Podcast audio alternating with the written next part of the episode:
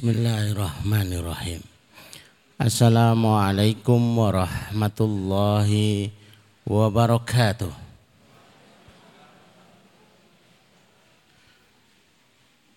Alhamdulillah. Nahmaduhu wa nasta'inuhu wa nastaghfiruhu wa nastahdihi wa na'udzu billahi min anfusina wa min a'malina. May yahdihillahu wa may yudlil nashhadu an la illallah wa nashhadu anna muhammadan abduhu wa nabiyuhu wa rasuluh. La nabiyya wa la rasula Allahumma syrah sudurna wa tazawwas an sayyiatina wa hab lana fahmal anbiya'i wal mursalin wa hab lana fahmas salafus salih. Allahumma anfa'na bima 'allamtana wa 'allimna ma yanfa'una wa zidna ilman wa na'udzu billahi min ahwali ahli nar. Allahumma la sahla illa ma ja'altahu sahla wa anta taj'alul hazna idza syi'ta sahla Rabbi syrah li sadri wa yassir li amri wahlul 'uqdatam min lisani yafqahu qawli rabbi zidna ilma. Subhanaka la ilma lana illa ma 'allamtana. Innaka antal alimul hakim. Rabbana atina min ladunka rahmah wa hayyi lana min amrina rasyada Amma ba'd Bapak Bapak dan Ibu-ibu sekalian yang semoga dirahmati Allah.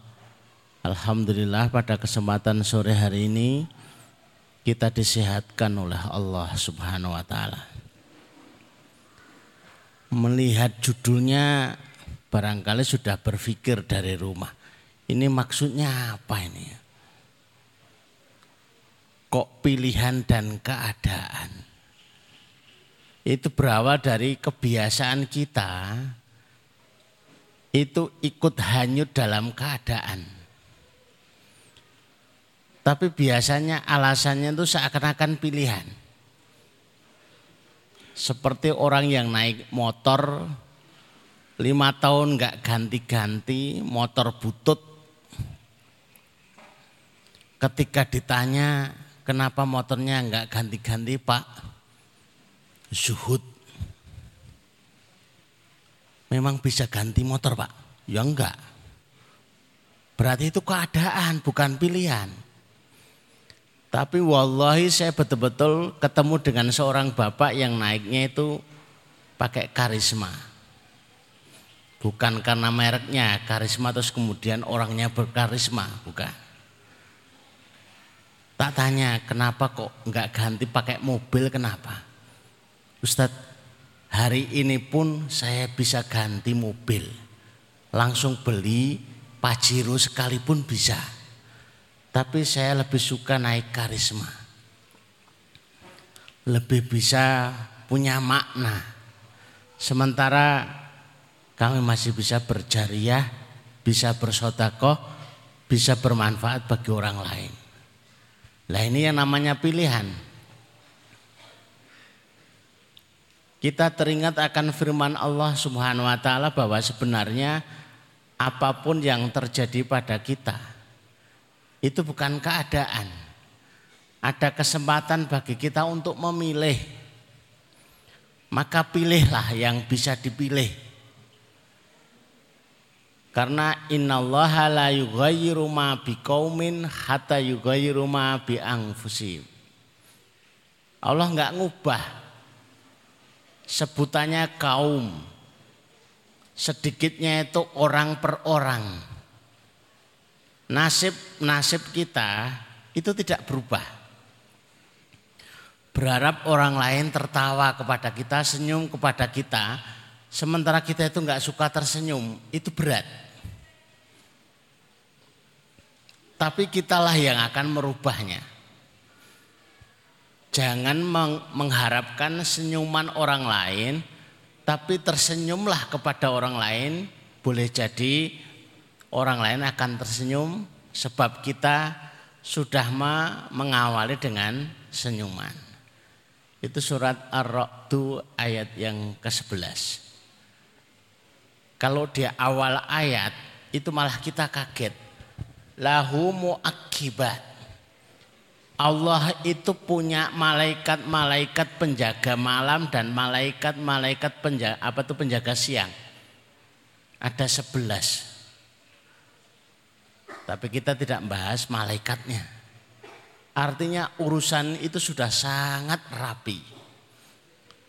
Tapi kemudian ayat ini bersambung dengan sekalipun sudah punya malaikat, sekalipun sudah teratur dan tidak ada urusan yang kemudian bahasa kita itu dilalah itu enggak ada. Kebetulan itu enggak ada. Tidak ada daun yang jatuh. Malam hari gelap. Kecepatannya berapa? Muternya berapa kali? Terus jatuh di tanah itu menghadap ke mana? Itu semua dalam pantauan Allah Azza wa Jalla itu daun. Sesuatu yang remeh. Apalagi kehidupan kita. Maknanya kita itu dalam pengawasan Allah. Sehingga jangan main-main gitu loh ya. Kalau ada kesempatan untuk mengatur arah rutenya itu bisa milih, atur. Tapi kalau sudah maksimal ya sudah kita terima keadaan yang sudah ada radhiyallahu anhum wa an. Allah ridho kepada hamba yang hamba itu ridho juga kepada Allah. Penerimaan kepada Allah itu penerimaan tamun. Sesempurna mungkin dalam kesempurnaan penerimaan. Kalau Allah memberikan banyak ya senang, Allah memberikan sedikit ya senang. Karena Allah sudah dengan pertimbangan yang sangat-sangat indah.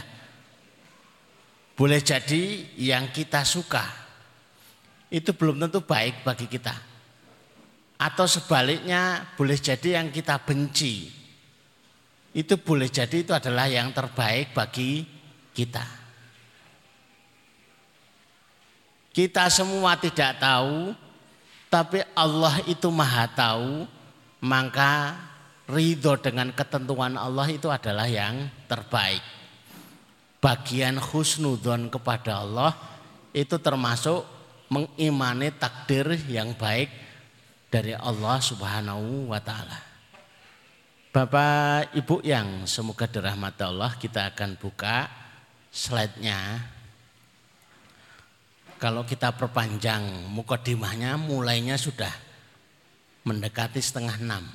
Jadi waktunya mepet ya. Nanti dapat ilmunya sedikit. Mari kita lihat slide yang pertama.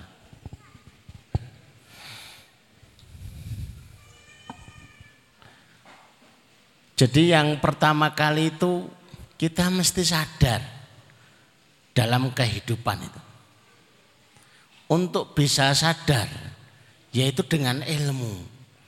Jangan sampai Bapak Ibu yang dirahmati Allah itu ditanya, Bapak Ibu kok sampai di Zabis saya itu kenapa?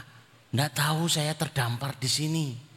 Tiba-tiba saya bangun-bangun sudah ada di majelis ini. Nah tadi ke sini sama siapa? Duko.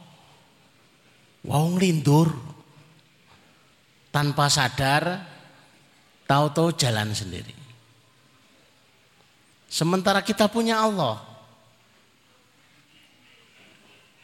Kalau sudah diperintah untuk mengikuti, kemudian hasilnya itu adalah hasil yang memang maksimal, ya sudah.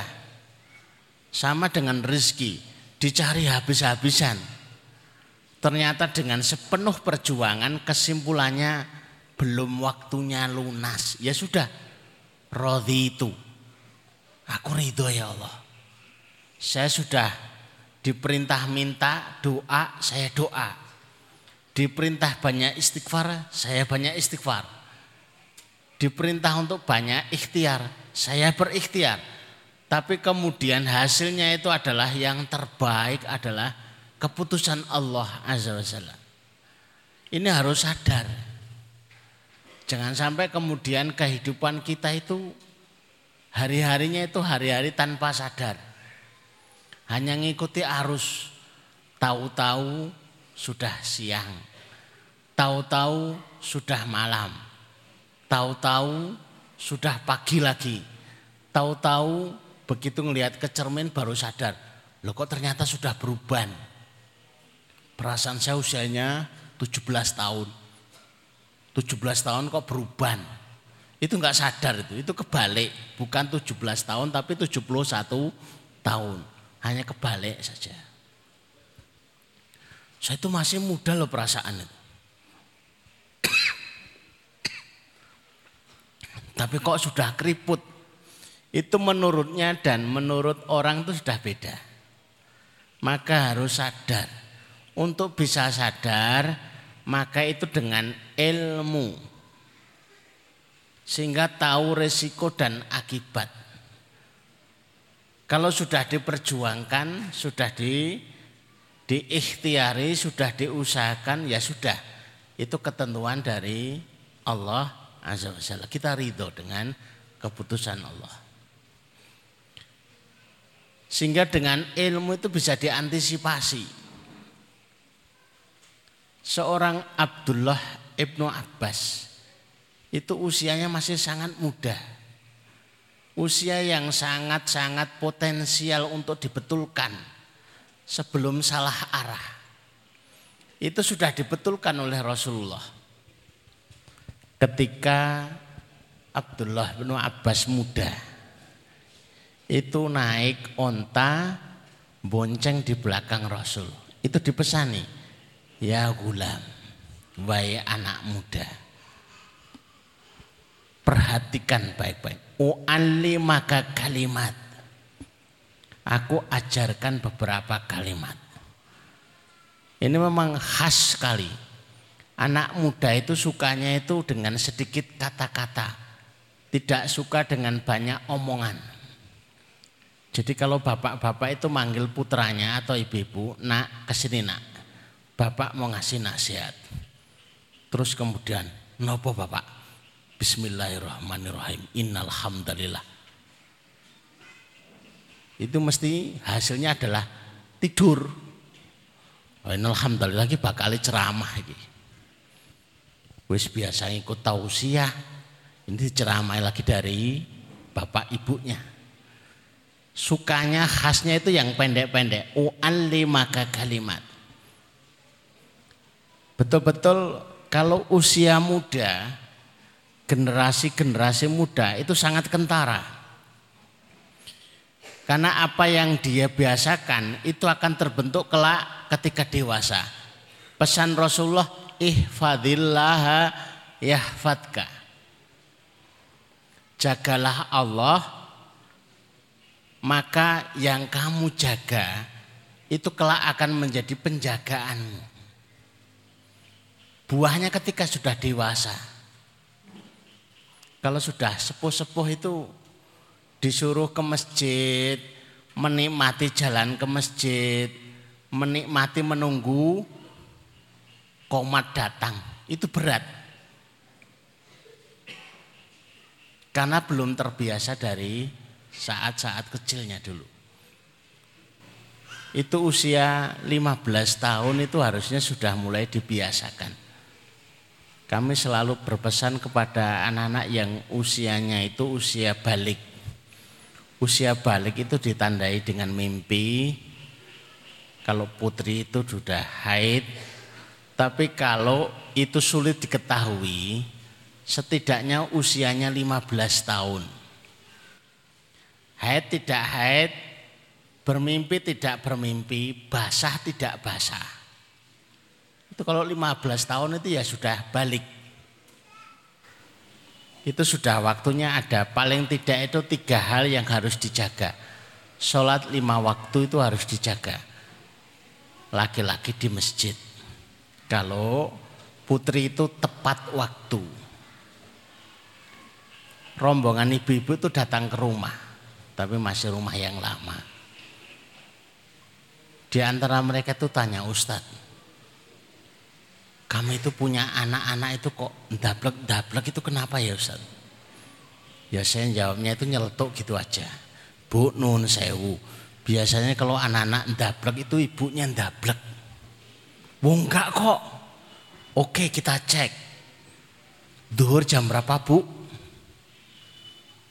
Ya jam 12-an lah kurang lebih. Jenengan datangi sholat duhurnya jam berapa? Lah niku kadang jam satu, kadang setengah dua, kadang mepet mendekati asar, setengah tiga. Tapi kan itu masih waktu duhur Ustaz. Ibu, kalau dipanggil Allah, hayya ala sholat, hayya ala falah, nggak datang-datang niku ndablek napa mboten? Yo jane niku nggih mboten ndablek. Tapi yo kuadran yang ndableke niku. Orang ndablek tapi banget gitu loh. Itu masalahnya. Bapak-bapak sama. Pernah tanya ke saya, Ustadz saya itu kalau berdoa kok nggak segera mustajab kenapa ya? jenengan itu biasa dipanggil Allah tapi tidak segera jawab. Giliran jenengan itu manggil Allah ya tidak dijawab sama Allah. Ya kan ya sudah impas kalau gitu. Seorang bapak yang berdoa. Tapi coba dicek. Waktu sholatnya berapa kali, berapa menit terlambatnya. Saya cuma terlambat 10 menit kok. 10 menit kali 5. 100 menit. Kali 30 hari. Jadi 1500 menit itu. Itu jadi panjang. Coba kalau kemudian kita tengah datangan ya Allah. Anak saya sakit. Ya Allah mudah-mudahan hutang saya segera lunas. Terus jawabannya itu muncul tanpa ada orangnya, hanya suara saja. Suara tanpa wujud. Ya, 1500 menit kemudian jawabanmu akan datang. Ini repot lah. Tapi sebenarnya berapa dari kita sendiri. Wong sukanya terlambat kok jawabnya pengen cepat. Siapa yang jawab Allah yang jawab panggilan Allah itu dengan cepat maka ketika dia itu menyeru Allah, ya dijawab dengan cepat.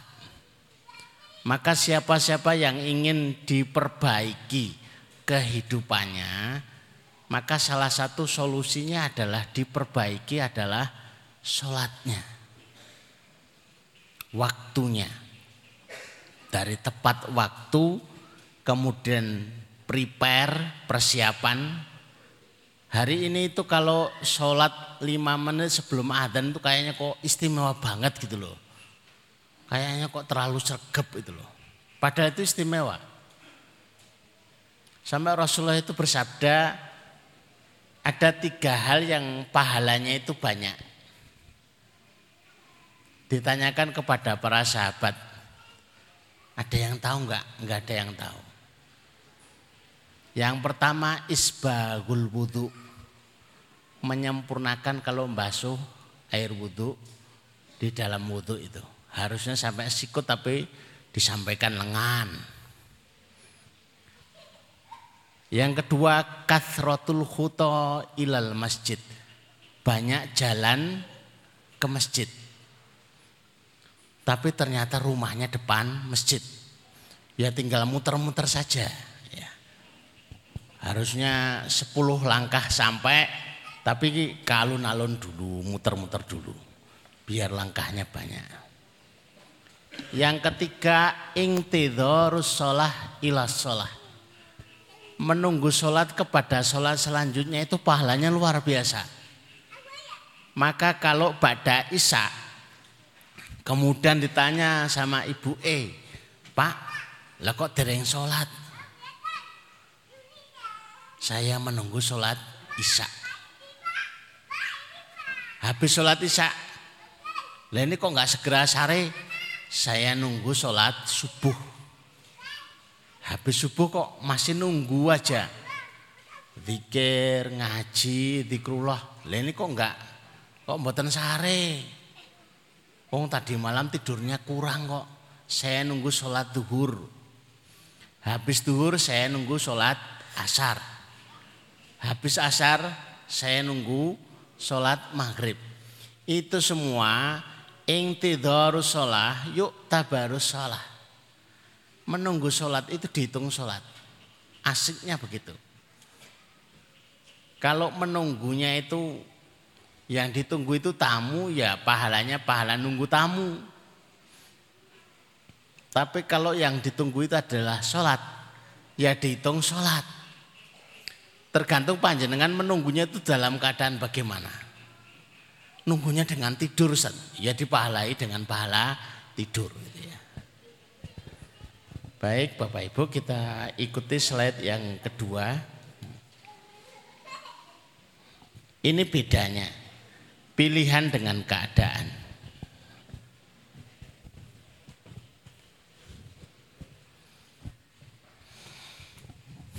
Kalau keadaan itu tidak ada pilihan, ya memang adanya itu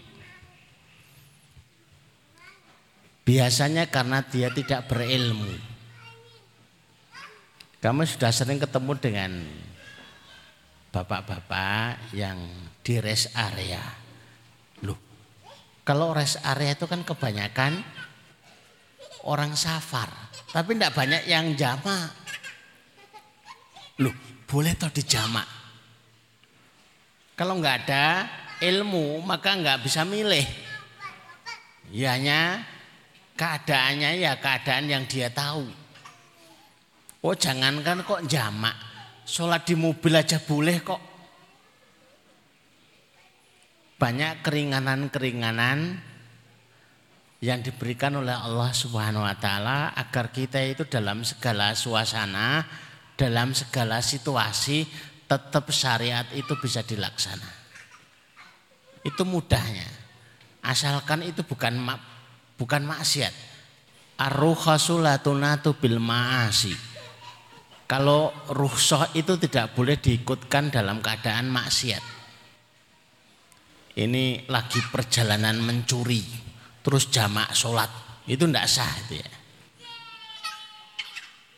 Lagi perjalanan nyolong, terus kemudian kosor, ya tidak usah. Karena perjalanannya sudah masalah.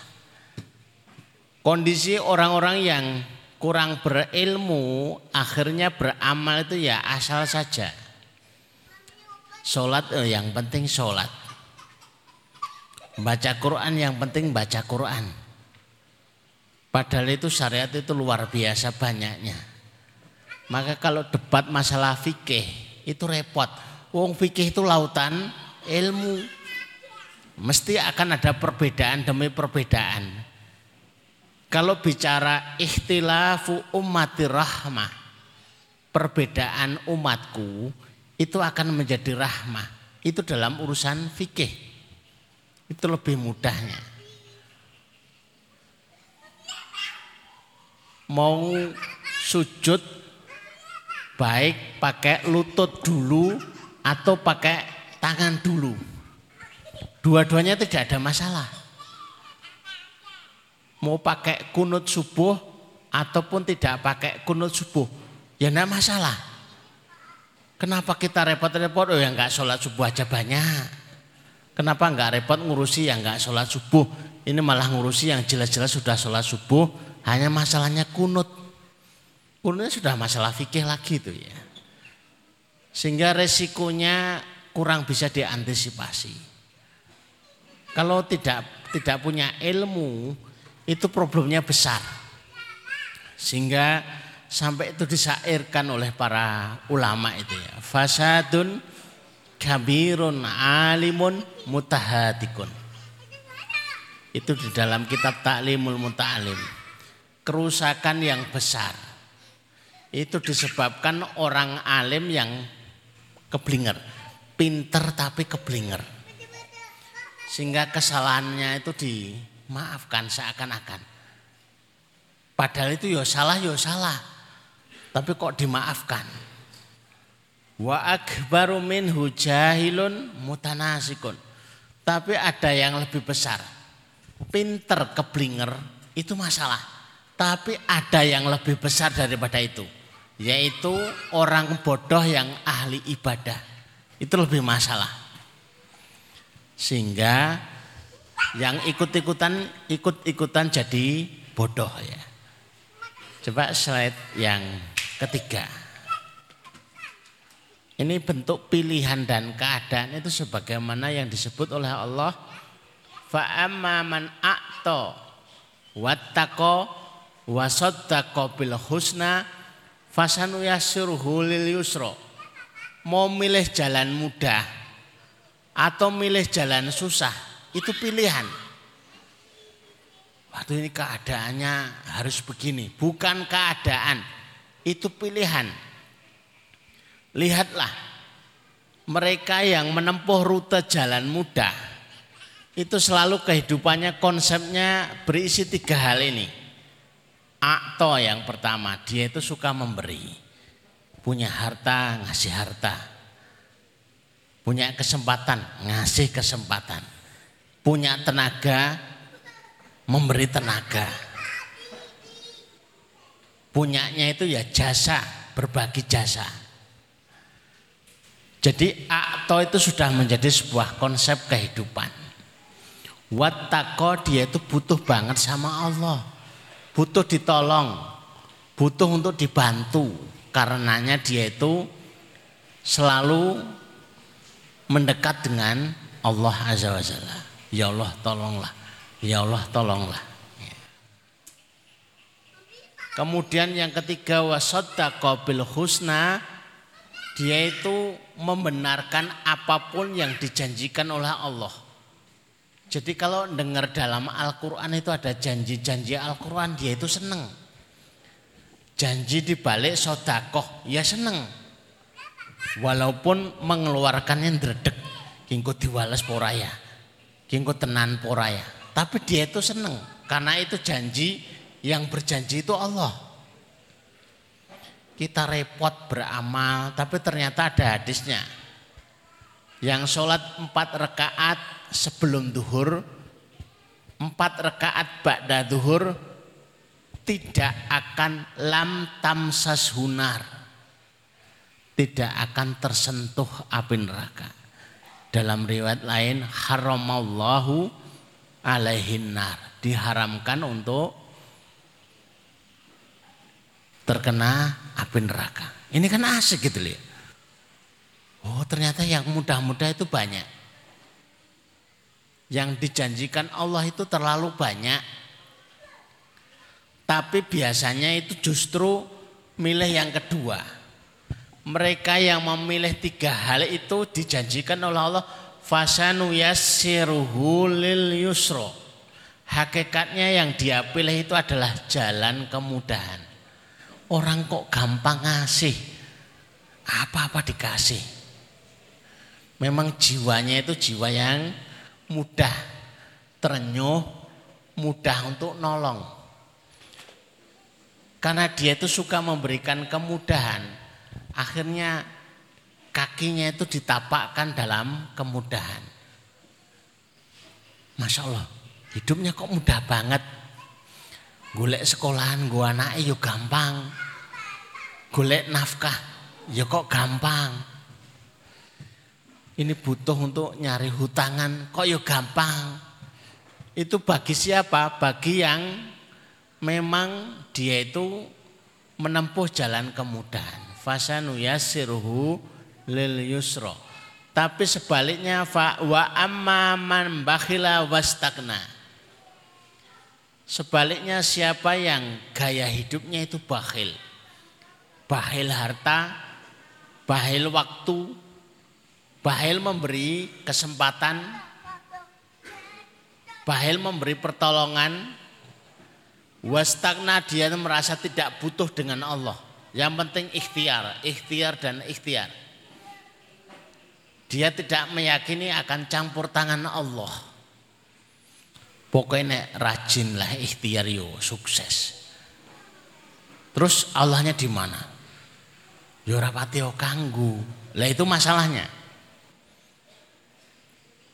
Wa kadzdzaba bil husna. Janji-janji Allah yang demikian banyak terbentang di dalam Al-Qur'an, di dalam Al-Hadis itu banyak yang didustakan. Itu susah loh hidupnya. Fasanu yasiruhu lil usra akan ditapakkan akan diperjalankan kepada kehidupan yang sulit. Coba kalau dia itu mengikuti janji Allah, itu kan mudah. Isinya kemudahan demi kemudahan. Tapi kalau dia itu tidak memperhatikan, tidak meyakini, mosok wong sodako dikasih 10 kali lipat. Itu yang berjanji Allah bukan yang berjanji manusia. Andai kata yang berjanji manusia itu ya karena dia itu berpijak kepada ayat-ayat Allah. Sebenarnya kan mudah. Giliran dia itu kena hutang. Jumlahnya 400 juta. Bingung kan dia. Padahal dengan ilmu itu surat Al-An'am ayat 160 yang pernah kita bahas.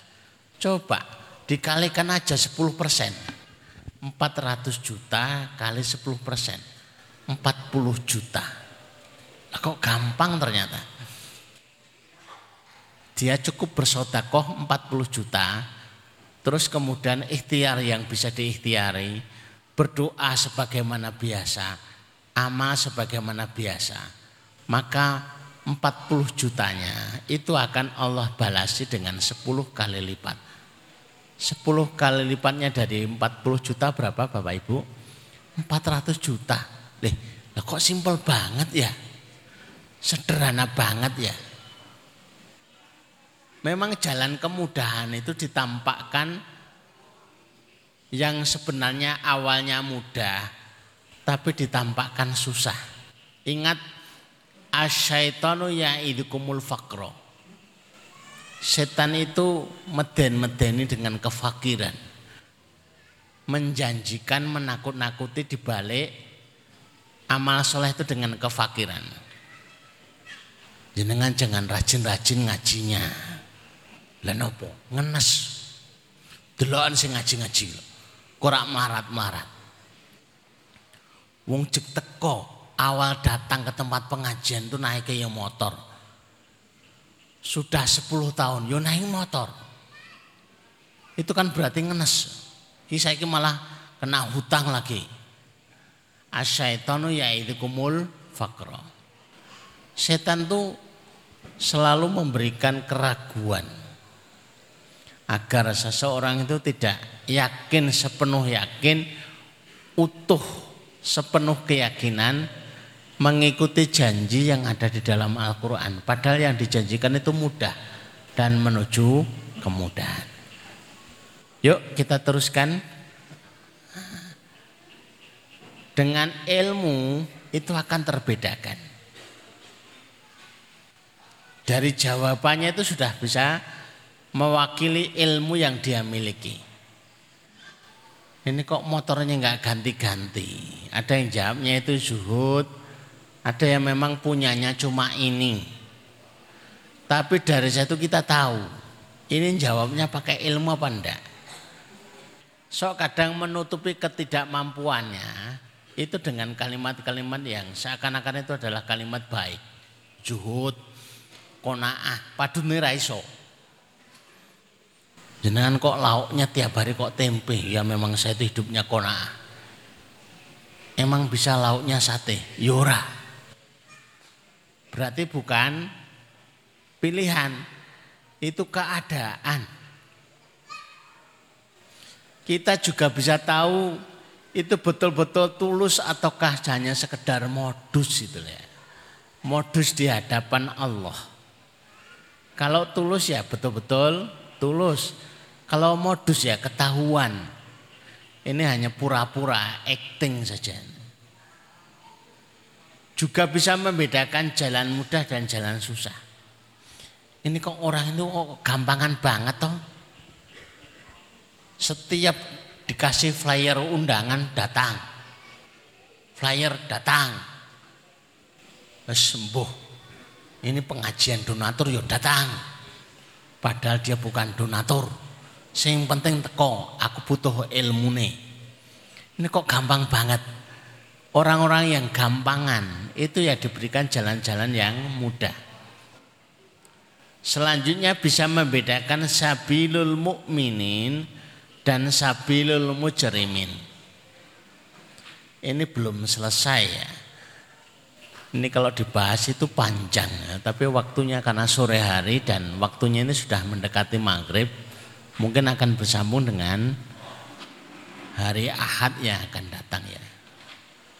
Untuk bisa membahas sabilul mukminin dan sabilul mujrimin. Itu sudah dibahas di dalam Al-Qur'an. Jalan orang-orang beriman dan jalan orang-orang yang berbuat dosa. Nampaknya itu gampang jalannya orang-orang yang berbuat dosa. Padahal lebih mudah jalannya orang-orang yang bertakwa.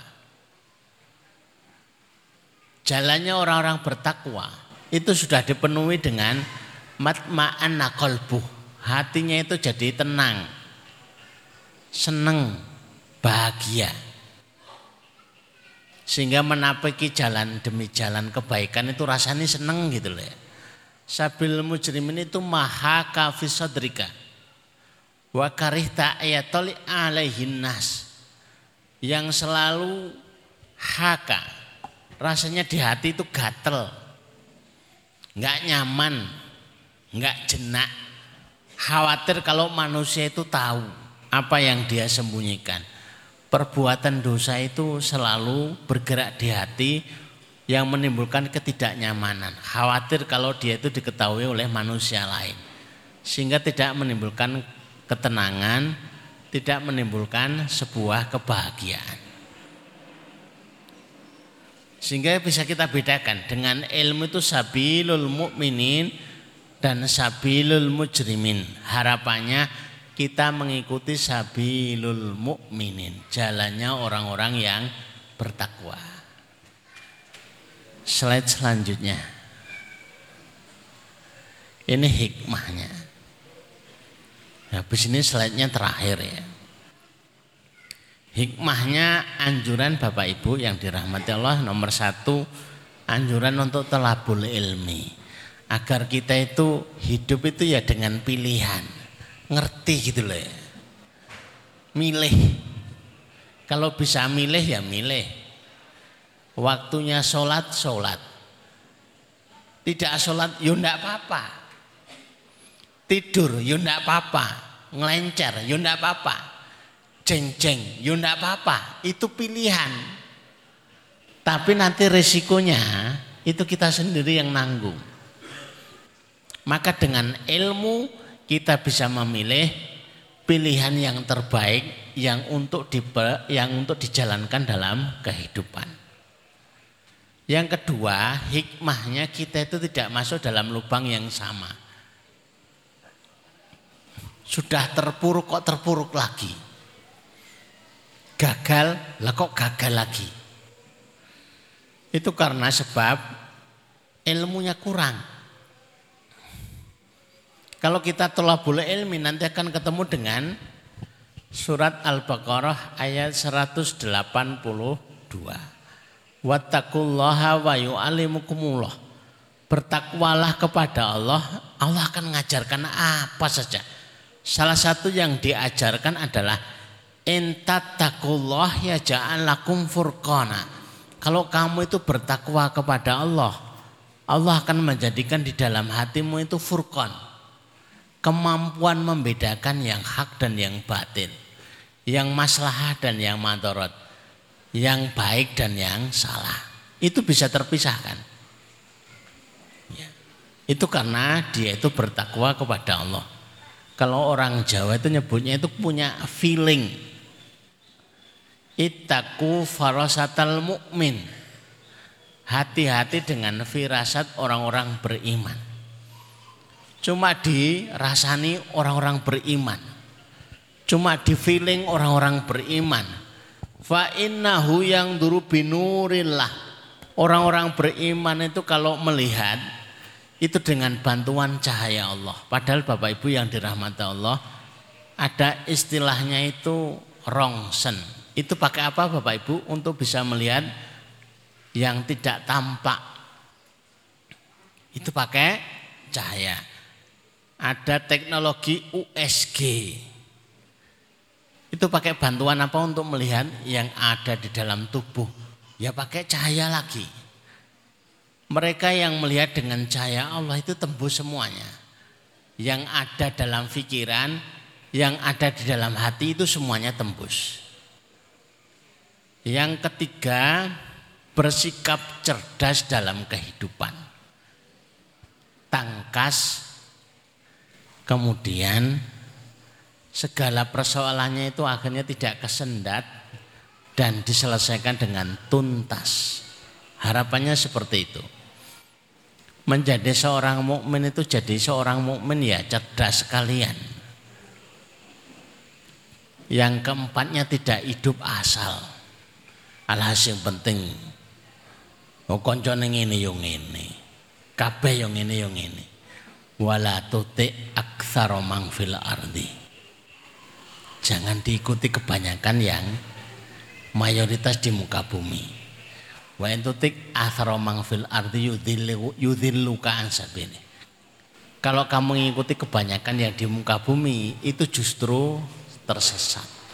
Salah itu ya. Jadi Bapak Ibu yang dirahmati Allah, harapannya kami sampaikan sore hari ini sebuah ilmu kehidupan berupa kita itu diharapkan punya pilihan bukan hanya pasrah dengan keadaan. Tanda-tanda kalau kita itu tidak punya ilmu dan kita itu tidak sadar harus berbuat apa.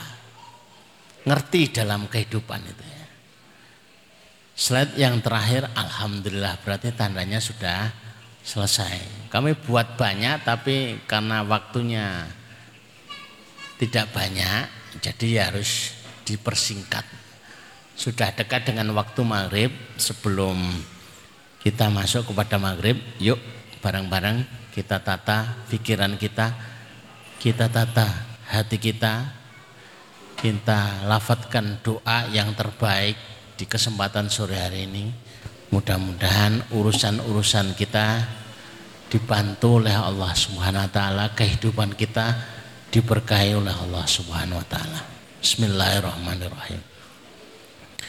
Allahumma salli ala Muhammad wa ala ali Muhammad kama sallaita ala Ibrahim wa ala ali Ibrahim fil alamin innaka Hamidum Majid.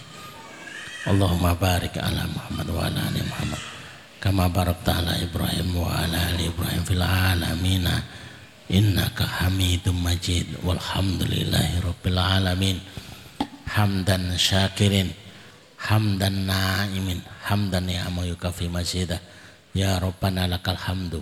Kama yang bagi li jalali wajhika wa adhimi sultanik la ilaha illa anta subhanaka inni kuntu minadh dhalimin la ilaha illa anta subhanaka inni kuntu minadh dhalimin la ilaha illa anta subhanaka inni kuntu minadh dhalimin Allahumma ya Rahman ya Rahim ya Hayyu ya Qayyum ya Dal Jalali wal Ikram. Allahumma ya Rahman ya Rahim ya Hayyu ya Qayyum Ya Dzal Jalali wal Ikram.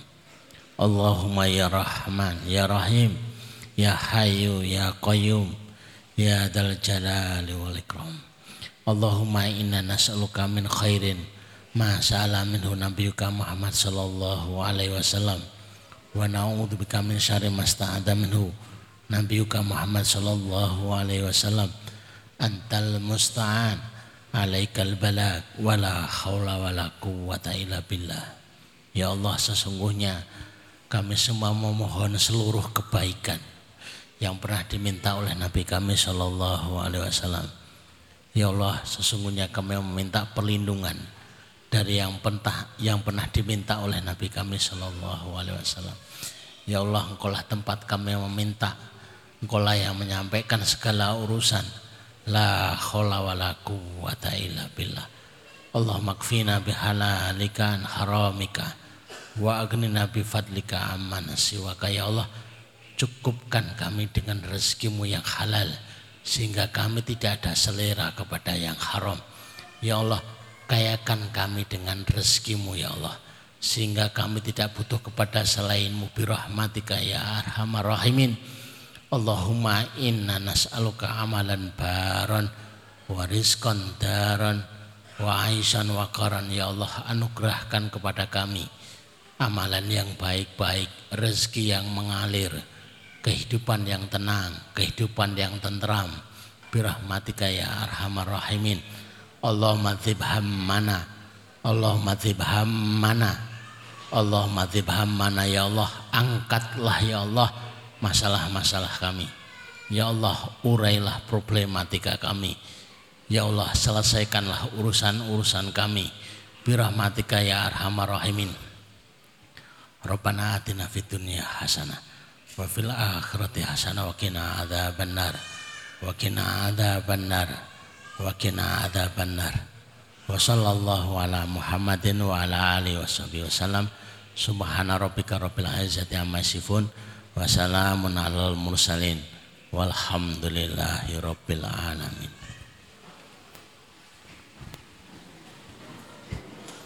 Demikian Bapak Ibu yang semoga dirahmati Allah kajian kita walaupun waktunya itu sempit tapi mudah-mudahan manfaatnya luar biasa yang kita dapatkan. Kurang dan lebihnya kami minta maaf bila taufik wal hidayah. Wassalamualaikum warahmatullahi wabarakatuh.